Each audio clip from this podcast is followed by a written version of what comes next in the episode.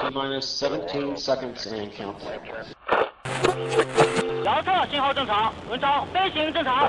Петр, Заря-1, зажигание. Two, one, booster ignition, and liftoff of this. Hoş geldin baba. Hoş bulduk Gökçe'cim.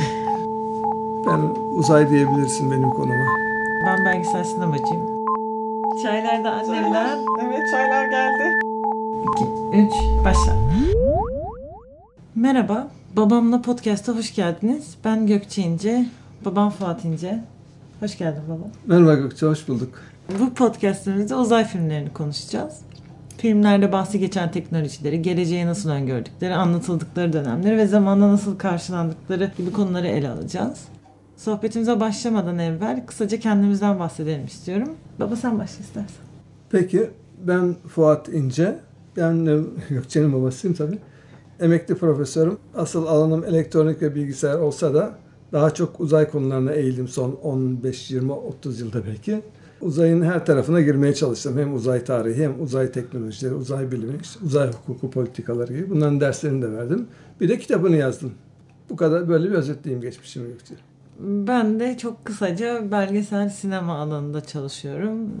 Podcast'ımızın ilk bölümünde kült bir filmle başlıyoruz. 2001 Bir Uzay Yolculuğu. Ee, Herkes bilir ama yine kısaca söyleyeyim. Filmin yönetmeni Stanley Kubrick. Senaryosunu Kubrick ve bilim kurgu yazarı Arthur C. Clarke'la beraber yazılıyor. 68 yılı Nisan ayında gösterime giriyor film. Çok farklı tepkiler alıyor. İşte insanlığın tarihi ve geleceği üzerine şaheser diyen de olmuş. Hayal gücü kıt ve sıkıcı diyen de. Mesela Andrei Tarkovsky bilim kurgu janrına kifayetsiz bir ekleme olarak değerlendirmiş filmi.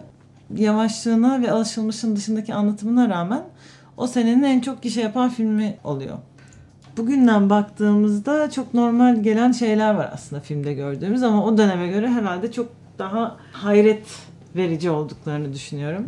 Daha aya insan gitmemiş, soğuk savaş yılları. Bize biraz o dönemden bahsedebilir misin baba? Şimdi 1960'larda uzay Soğuk Savaş'ın bir önemli parçasıydı. Soğuk Savaş her teknolojik alanda Rusya ve Amerika'nın yarıştığı bir alanda. Çünkü her teknolojik alan savunmada ya da askeri bir üstünlük sağlar. Uzay da kesinlikle bir askeri üstünlük sağlayacak alanda. Ha- haberleşmede, navigasyonda, görüntü almada askeri üstünlük sağlar. Çünkü en yüksek tepe. Oradan her yer görünüyor. Uzay konusunda Ruslar 57'deki ilk uydu fırlatmalarıyla daha sonra 61'deki ilk insanı uzaya göndermeleriyle bayağı öne geçmişlerdi. Ve Amerika bir moral düşüklüğü içindeydi. Biz bu kadar teknolojik olarak sözde Rusya'dan ilerideyiz. Nasıl olur da uzayda onlar bizden daha ileridir diye bir sorgulama, kendilerini sorgulama ve moral düşüklüğü içinde oldular. Kennedy 1961'de biz Ay'a gideceğiz bu 10 yıl bitmeden dediği zaman onlara bir hedef verdi ve bir moral sağlamaya çalıştı. Gerçekten de bu morali de yüksek tutmak için 60'lar boyunca 69'a kadar sık sık yani bir yıl, 6 ay, 2 yıl gibi aralıklarla uzayda belli başarılar elde ettiler. Belli roketler, belli uydular denediler. Daha çok insan gönderdiler, daha canlılar gönderdiler. Ve Amerikan halkı için bu bir moral yüksekliği sağladı. Kennedy'nin konuşmasını dinleyelim mi? Peki. I believe that this nation should commit itself to achieving the goal before this decade is out of landing a man on the moon and returning him safely to the earth. No single space project in this period will be more impressive to mankind or more important for the long range exploration of space, and none will be so difficult or expensive to accomplish.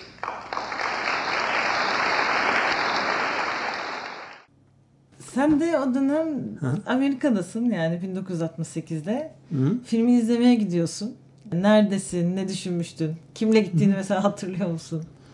Vallahi kimle gittiğimi hatırlamıyorum ama bir bilim kurgu filmine tabii gidiyordum. Ve fazla bir beklentim yoktu. İşte bu da herhangi bir bilim kurgu filmidir. Bakalım gideyim ne çıkacak gibi. Çoğu bilim kurgu filmi fazla hayali olur ve gerçekten çok uzak olur ama eğlenceli olur diye bir gittim. Ve filmin ilk 10-15 dakikasında sıkıldım aslında. Konuya odaklanmaya çalıştım. Acaba ne olacak sonra? Yani bazıları çıkıp galiba gitmiş filmi terk etmişler o ilk 10-15 dakika içinde. Ben sonunda bu olaylar birbirine bağlanır herhalde deyip bekledim. Fakat e, izledikçe hele o Jüpiter'e giden geminin içinde olaylar geliştikçe film beni çok sardı. Stanley Kubrick uzayla ilgili film yapmak istediği zaman bu uzay konusunda bilim kurgu ile uğraşmış olan daha önce kimler var diye araştırdığında Arthur C. Clarke'ı buluyor. Tabii Arthur C. Clarke hem bilim kurgu tarafında senaryo yazmış, hikayeler, romanlar yazmış hem de bir fizikçi ve matematikçi için işin gerçeğini, fiziğini bilen birisi. Sonra New York'ta buluşuyorlar ve 6 tane ona hikaye veriyor. Bunlardan bir tanesi The Sentinel. Beğeniyor Stanley Kubrick. Ve buna dayandırıyorlar sonra. Sentinel Türkçe'ye gözcü olarak çevrilmiş. Filmdeki Hı. ay bölümünü anlatan Hı. hikaye. Sonra oradan önüne ve arkasına gelişiyor. Film insanın doğuşu. Hatta Hı. o bölüm filmde de Dawn of Man diye geçer. Hı. Bu bölümle başlıyor. Sonunda da yeni insanın doğuşu gibi bir evet. anlamlı bitiyor aslında. O yıldız Hı. gibi doğan bebekle. Hı birçok şeyin yanı sıra film uzay yolculuğunun doğru bilimsel tasviriyle de biliniyor. Hem hissiyat olarak bir gerçekliği var hem de teknolojik olarak. Büyük oranda diyelim. Evet. Özellikle benim dikkatimi çeken çok hoşuma giden şeylerden biri mesela uçak normalde alışık olduğumuz düz ve ileriye doğru gider. Hı hı. Burada ise boşlukta süzülüyor. Dünyadan alışık olduğumuz yer çekimi yukarı aşağı şeyinden kopartıyor. Bundan ee, başka dünyada atmosfer olduğu için ve atmosfer sürtünmesini en aza indirmek için atmosfere karşı bir sivrilik olması lazım. Bütün uçakların burnu biliyorsun öyle roketlerin burnu öyle gider. Ama uzayda bir atmosfer yok. Onun için istediği oryantasyonda gidebilir. Hep aynı, hepsi fark etmez. National Council of Astronomics'ten bilimsel uzman olan Dr. Floyd direkt Ay'a gitmeden önce bu uzay üstüne geliyor. Dünyanın etrafında dönen. Ruslar ve Amerikalıları orada birlikte dost olarak görüyoruz ve Kubrick bunu hani Soğuk Savaş'ın en yoğun olduğu bir dönemde yapıyor. Hı hı. E, ayda ise topraklar paylaşılmış vaziyette. Her ülkenin kendi üssü var.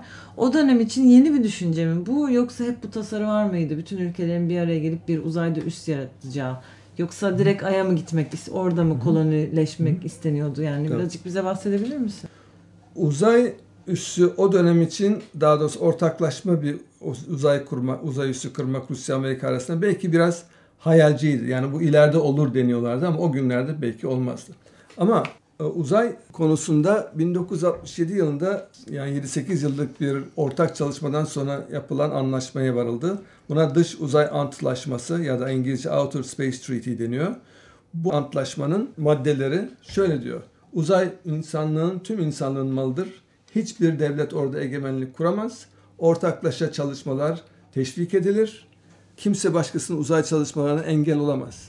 Hatta burada ayda falan üst kurmak var daha doğrusu ay demiyor, ay ve diğer gök cisimleri diye geçer. Ee, bir devlet üs kurabilir. Bu üs e, askeri amaçlı olmayacak. Bilimsel amaçlı, turizm başka amaçlarla olabilir. Ve bu kurulan üst diğer bütün devletlerin de denetimine açık olacak. Yani burada sadece polis gücü bulundurulabilir ama askeri güç bulundurulamaz. Bütün uzay yetenekli ülkeler şu anda bugünlerde artık onu imzalamış, onaylamış durumdalar. Dünyanın yüz küsur ülkesi de aynı şekilde imzalamış, onaylamış durumda. Ondan sonra zaten ilk Türk e, pardon ilk Rus e, Amerika ortak uzay çalışması 1975'te oldu. Ha. Evet. E, Soğuk Savaş Sky, devam ederken. Soğuk Savaş döneminde. Skylab ile Salyut denen iki araç birleştiler uzayda. Amerikalılar Rus, Ruslar Amerikan uzay aracına girdi. Orada sarıldılar, ya sıkıştılar falan.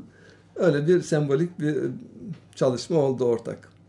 Ama günümüzde bir uzay, uluslararası uzay istasyonu var. Bu 98'den çok yıllar önce başladı ve 16 devletin katkısıyla ortaklaşa yürüttükleri bir proje. Burada tabii liderlik Amerika ve Rusya'da ama bir sürü yani 14 daha devlet burada ortak. Mesela Brezilya onlardan bir tanesi.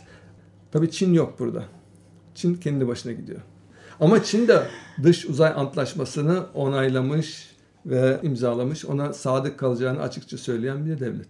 Ama sırlarını paylaşmak istemiyor. Evet, kimse sırlarını paylaşmıyor tabii ki. Peki bu şey Arthur C. Clarke'ın bir orbiti varmış. Evet. Arthur C. Clarke galiba 1945 yılında ilk defa dedi ki daha o zaman o, o zamanlar uzaya çıkmak falan yok gündemde tabii uydular uydular yok. Ee, dedi ki üç tane uyduyla dünyanın bütün her tarafıyla iletişim haberleşme yapılabilir. Bunun ne demesinin söylemesinin nedeninden uyduların e, dünya çevresinde dönme süreleri yüksekliklerine bağlı belli bir yüksekliğe çıkınca işte bu da 36 bin kilometre falan. Çıkınca uydunun dünya çevresindeki dönme hızı e, süresi 24 saat oluyor. Yani dünya ile beraber dönüyorlar. Yani dünyadan baktığımızda o uydu hiç kıpırdamıyor. Hep aynı yerde duruyormuş gibi oluyor. Ve o uydu dünyanın yarısına yakın kısmını görüyor. Bunun gibi üç tane noktayla uydu koyarsak dünyanın ta- her tarafını görmüş oluruz. Onun için de o uyduya o, onun adı verildi ama şimdi artık o uydu başka adlandırılıyor. GEO diye. GEO. Geosynchronous Earth Orbit. Yani yer eş zamanlı yörünge. Arthur C. Clarke aynı zamanda 60'larda 2001 yılı için şöyle bir şey diyor. Ayın sömürgeleştiği ve gezegenler arası yolculuğun sıradanlaştığı bir zaman. E, 2001 yılında bunun gerçekleştiğini görmedik. 2020'de de olmadı ama e, 2000'lerden günümüze uzay çalışmalarında büyük bir hareketlilik görünüyor. Tabii. Bu canlanma niye sence? Neden? Bir kere C. Clarke 2001 bunu, bu öngörü ne zaman yapmış bilmiyorum 60. ama e, tabii Var. gene de çok erken iş yapmış. Bu söyledikleri belki 2030'lu yıllar için doğru olabilir. Heyecan, heyecanlıymış. Evet biraz ama uzağı görmek kolay değil o kadar. Şimdi uzay niye bu kadar önemli oldu ve son zamanlarda birdenbire gene alevlendi uzay çalışmaları. Bunun birkaç sebebi var. Önce bir uzay ne işe yarar söylesek mi bilmiyorum ama Evet, evet. e, uzayın üç ana insanlığa sağladığı üç ana neden var. Bir tanesi haberleşme. Yani dünyanın herhangi bir noktasıyla başka bir noktasını bunlar nerelerde olursa olsun kutuplar, okyanuslar, çöller, möller anında haberleşme ara, aracı olabiliyor uydular. Bunun içindir ki zaten dünyanın herhangi bir yerinden canlı yayınları görebiliyoruz. Uydular sayesinde. İkincisi e, uzaydan gözlem.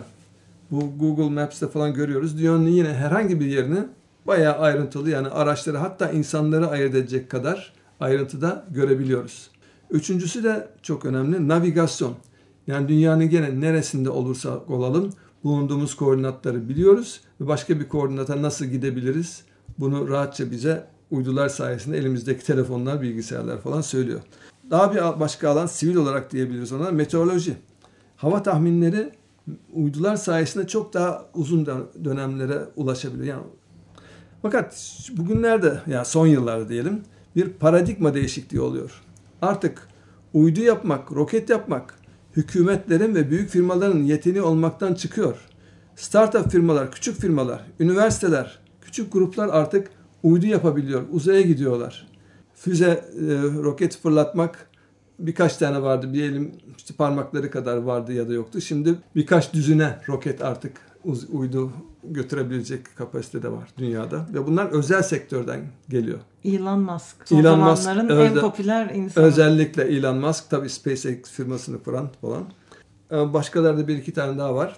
Onlar da ayda köy kurmak, uzay turizmini e, teşvik etmek için bayağı milyarlarla dolarlar harcıyorlar. Yani ileride 2030'larda olur bu. Ay'a gidip orada paran varsa tabii, bir, bir milyon dolar harcayabiliyorsan gidip birkaç gün kalabileceksin. Belki şimdi az konuşulan tarafları da var. Orada yer çekimi ay üstünde çok az.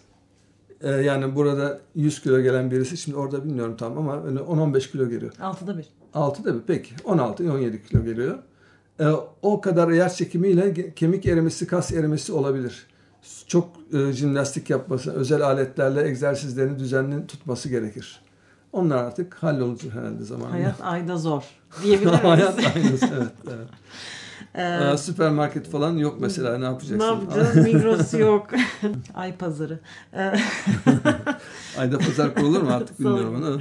ya bir ilginç gelen şey de uzay üstündeki mesela Hilton Oteli var filmde. Onun dışında bir sürü markalar var ama hani uluslararası uzay üstüne Hilton Oteli aslında uzayın ticarileşeceğini göstermesi açısından isabetli tahminlerden. O zaman Çok- düşünülüyor muydu? Konuşuluyor muydu bu? Ya uzayda koloni kurmak falan ileride düşünüyordu ama özel sektörün o işe gireceği hiç düşünülmüyordu ya da ben düşünmemiş en azından. Fakat bugünlerde artık özel sektör her tarafa girdiği gibi uzayda koloni kurmaya işine de giriyor. Belki ileride NASA ya da Elon Musk diyecektir ki benim uzay kolonimde oteli Hilton sen işletirsen eğer bu kadar para vererek senin orada reklamını yapmış olurum. Ve Hilton orada bayağı paralar vererek Elon Musk'a diyelim otel işletebilir. Hilton adını da kullandık çok ama neyse. Artık. Evet ama filmde var. Evet. Filmde bir sürü marka Evet. var aslında. Ona Evet. da birazdan değineceğiz.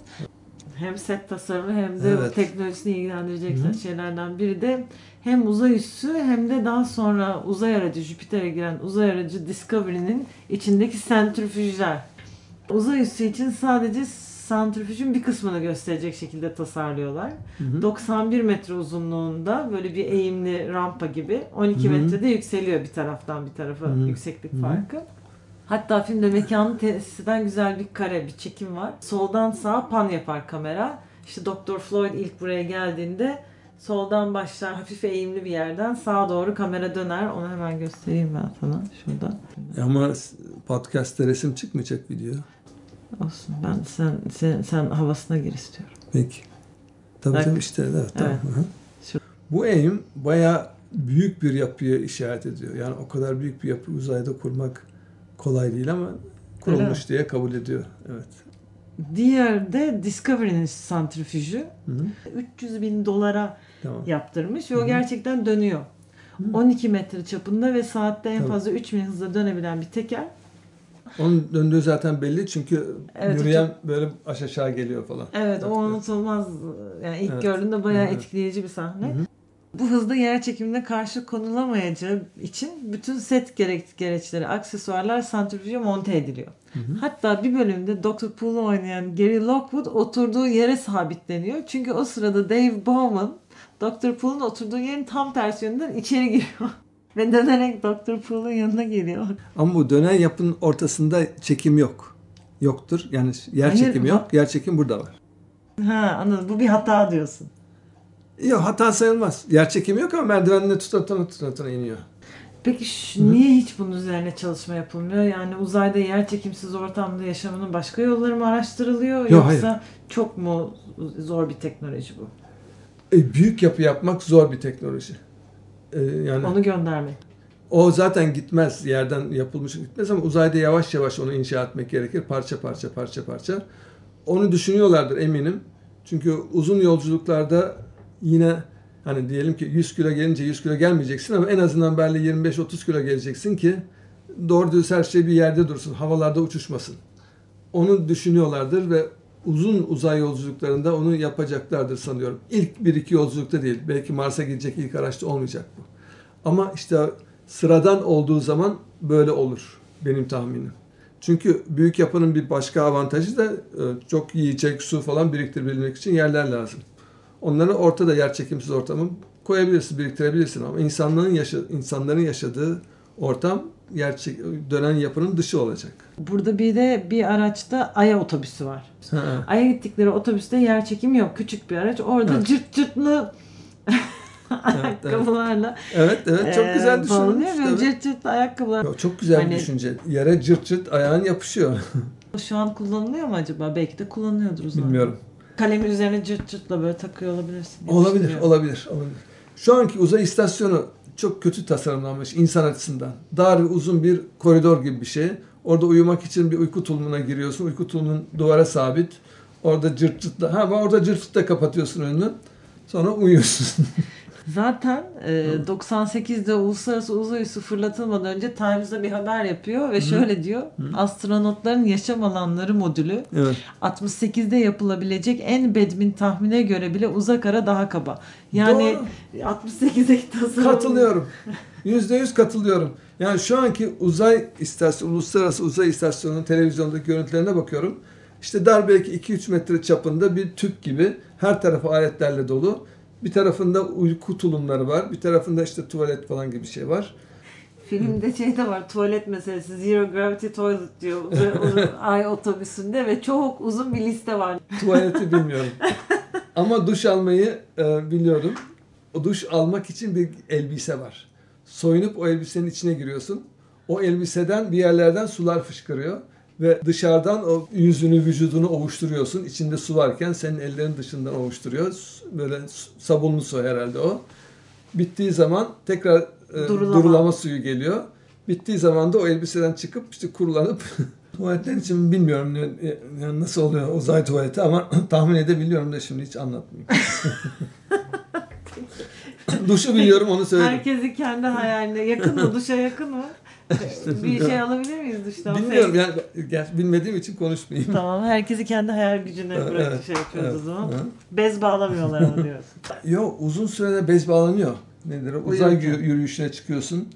10 saat yani bayağı uzun süreler belki 20 saat falan çalışmalar o zaman bez bağlandığını biliyorum. Okey. Çok ilginçmiş. Evet ve en önemli kısımlarından biri filmin. Hal. Hal. Hal'ın tasarımı Hal ve yapay 9000. zeka. Evet. Hal, Discovery uzay aracını yöneten bilgisayar. Bakalım Hal filmde kendini nasıl tanıtmış. We next spoke with the HAL 9000 computer, whom we learned one addresses as Hal. Good afternoon, Hal. How's everything going? Good afternoon, Mr. Amer. Everything is going extremely well. Hal, you have an enormous responsibility on this mission. In many ways, perhaps the greatest responsibility of any single mission element.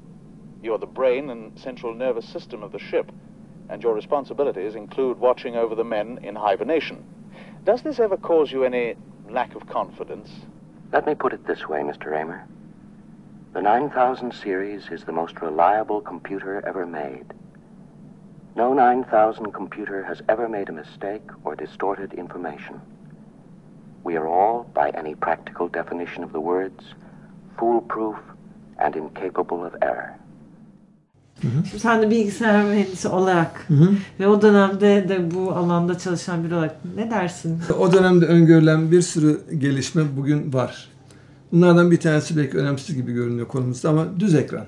Filmde hep e, şey, düz ekranlar var. Halbuki o dönemlerde t 1980'lere kadar hep arkası şişman olan ağır televizyon CRT dedikleri türden vardı. Stanley Kubrick de bunu öngörerek bütün televizyonları da ekranları düz olarak göstermiş. Peki yapay zeka? Yapay zeka konuların ilk olarak 1950'lerde ilk bilgisayarların ortaya çıkması ile başlar.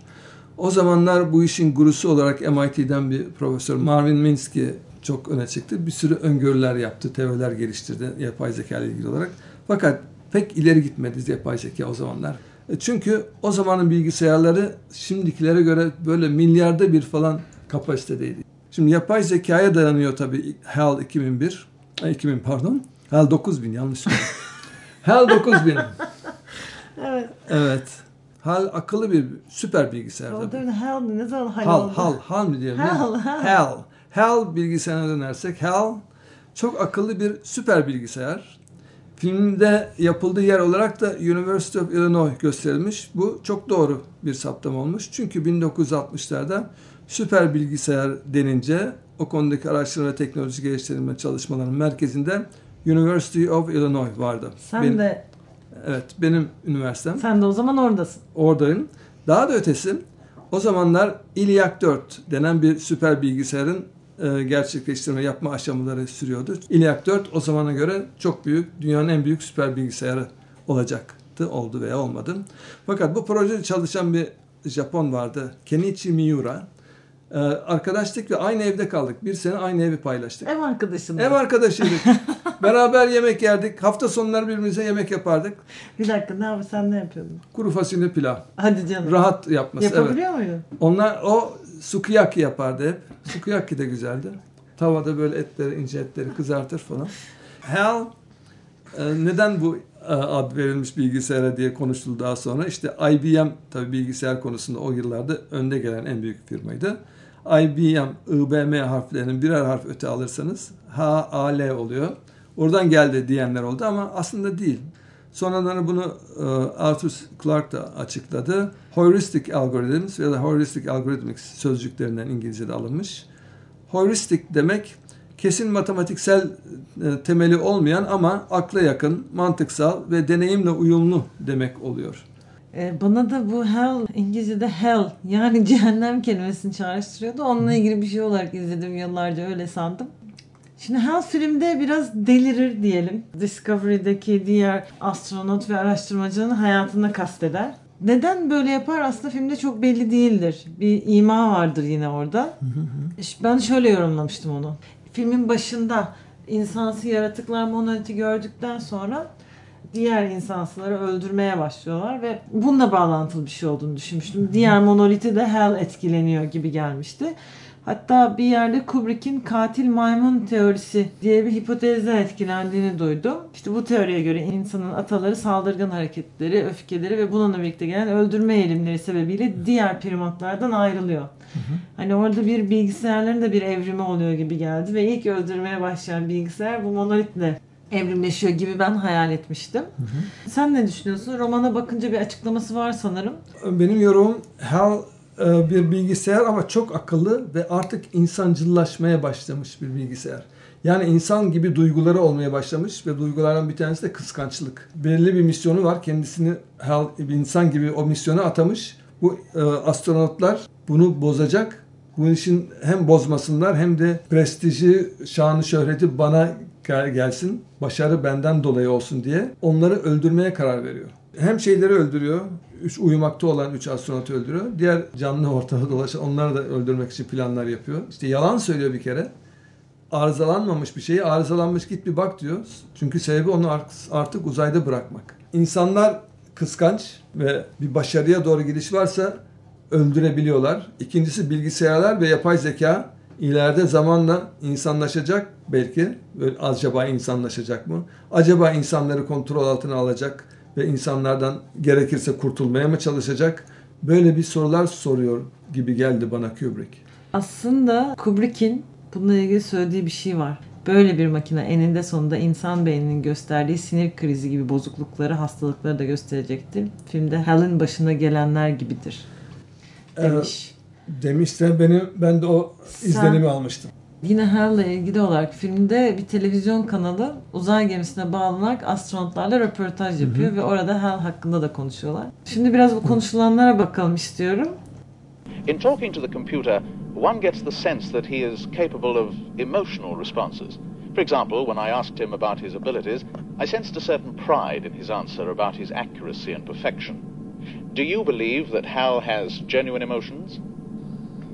Well, he acts like he has genuine emotions. Um, of course, he's programmed that way to make it easier for us to talk to him.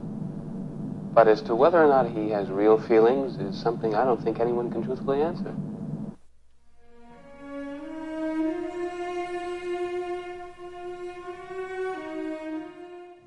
E, gerçek e, duygular tabii insan gibi hissetmez ama hissediyormuş gibi davranıyor.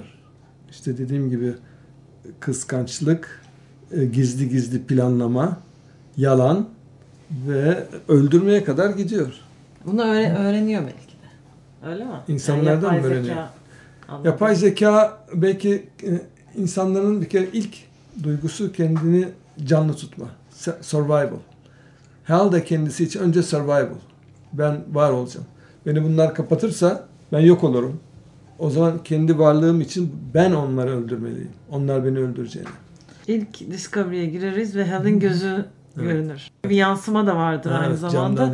Dave Bowman o yansımadan Hal'in içinden çıkar gibi. Aslında Dave Bowman'ın üzerindedir sürekli Hal'in gözü en başından beri. Hı. Bugünlerde bir sorun da NASA'nın ve uzay ajanslarının çalıştığı uzun uzay yolculuklarında akli dengelerinin astronotların yerinde olup olmadığının kontrolü. Ee, özel miğferler geliştiriyorlar. İçinde elektrotlar olan o elektrotlar beyin fonksiyonlarını izleyecek ve merkeze bildirecek dünyaya. Bu tamam bütün akli dengeleri yerinde ya da tabi uyuyor, rüya görüyor ya da delirdi. Bu düşünce genel olarak ne yaptığını, aklın faaliyetlerini algılayıp dünyaya da bildirecek.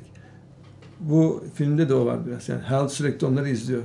Yani hem Hal'la beraber hem diğer tasarımlar ve filmin hızıyla ilgili böyle çok hipnotik genel olarak hipnotik bir şey evet, var evet, filmin evet. ve izleyiciyi biraz içine çekiyor. Evet. Ama uzay deneyimi böyle bir şey değil herhalde. En azından şu anki makinelerin içinde. Valla ben gitmediğim için bilmiyorum. Çünkü okudun mu yani hiç dinledin mi? Ya yani birkaç astronotla konuştum. Böyle olağanüstü bir şeyler söylemediler. Yani işte orada sanki bir otobüsün içindeymiş gibi, bir aletin içindeymiş gibi günümüz geçiyordu. Sürekli de meşgul oluyorduk diyorlar. Hepsi deneylerle falan meşgul olmaktan hani boş zamanımız da zaten yoktu diyorlar. Filmdeki bir başka güzel detayda hı hı. Hal'in kısmen kapatılmasından önce söylediği şarkı Daisy Song. Hı. Papatya şarkısı. Astronot Dave Helen parçalarını tek tek çıkarırken onu yani deaktive hı. ediyor. Evet, hani evet, öldürmek evet, demeyelim evet, de deaktive evet, ediyor. Hı.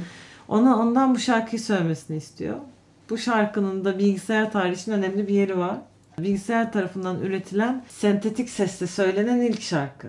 Hmm. 1961 yılında bir IBM bilgisayarı söylüyor. E şarkının sözleri şöyle, Türkçe söyleyeyim. Papatya papatya bana cevabını ver. Ben yarı delirdim. Hepsi sana olan aşkımdan. IBM 7094 söylüyor. Dinliyoruz efendim.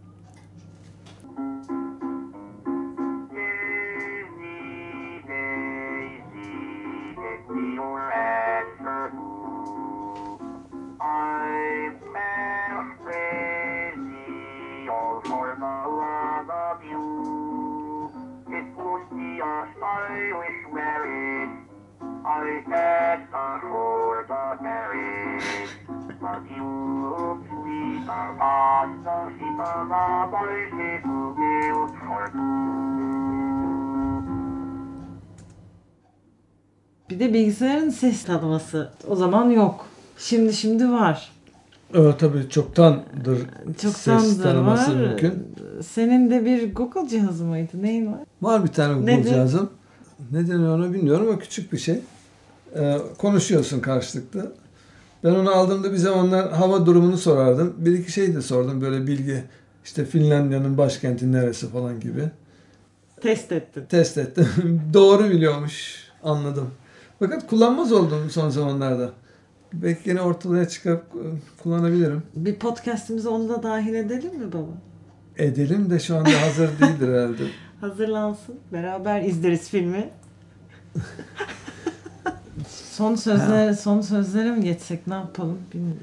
Valla ben e, son sözüm o bilmiyorum şimdi söyledik galiba az önce ama Helen o gözü çok hipnotik bir özellik taşıyor. O sesle de birleşince yani ben böyle hipnotize olmuş gibi hissediyorum kendimi. O bir şey. İkincisi verilen mesajlar sorular yaratıyor. Yani ileride insanlık makineler tarafından yönetilecek mi? Makineler duygulanırsa ne olacak geleceğimiz? Ne kadar biz onlara mı onlar bize mi hakim olacak? Bu filmin sonunda Dave'in gittiği yer neresi? Orasını kim yönetiyor? Gibi sorular var. Bu bir üstün bir zeka mı? Şu anda var olan ya da olmayan ama cismi olmayan çünkü ortalıkta bir cisim görünmüyor. Ses de duyulmuyor. Ee, yoksa böyle Tanrı'ya mı ulaştı? O, Tanrı'yı mı orada anlatmaya çalışıyor? Ölüyor, diriliyor falan. Bunlar artık kişinin yorumlamasına kalmış. Kubrick'in ortaya attığı sorular diyeyim. Etkileyici bir film. Başında sıkılsa da insan sonuna doğru çok etkilenmiş oluyor. Bu filmle ilgili olarak bir dünya dışı varlıklar meselesi de var ki hiç değinmedik. Çünkü onu bir sonraki bölümümüzde. Olur. Belki o Veya Contact sonra. diye bir film var. Ben onu da çok sevmiştim. Robert Zemeckis'in filmi. Onu da bir konuşuruz, tartışırız bakalım. Evet, Belki sonra onu konuşmadan önce onu da tekrar bir izleyeyim de ayrıntılarını unutmuşumdur herhalde. Beraber izleriz. Beraber izleriz. Evet. Evet, evet. Teşekkürler babacığım. Ben de teşekkür ederim. Ee, şimdi Helen Daisy şarkısı yorumuyla programımızı bitiriyoruz. Hoşçakalın. Hoşçakalın. Take it for me. It's called Daisy. Daisy. Daisy. Give me your answer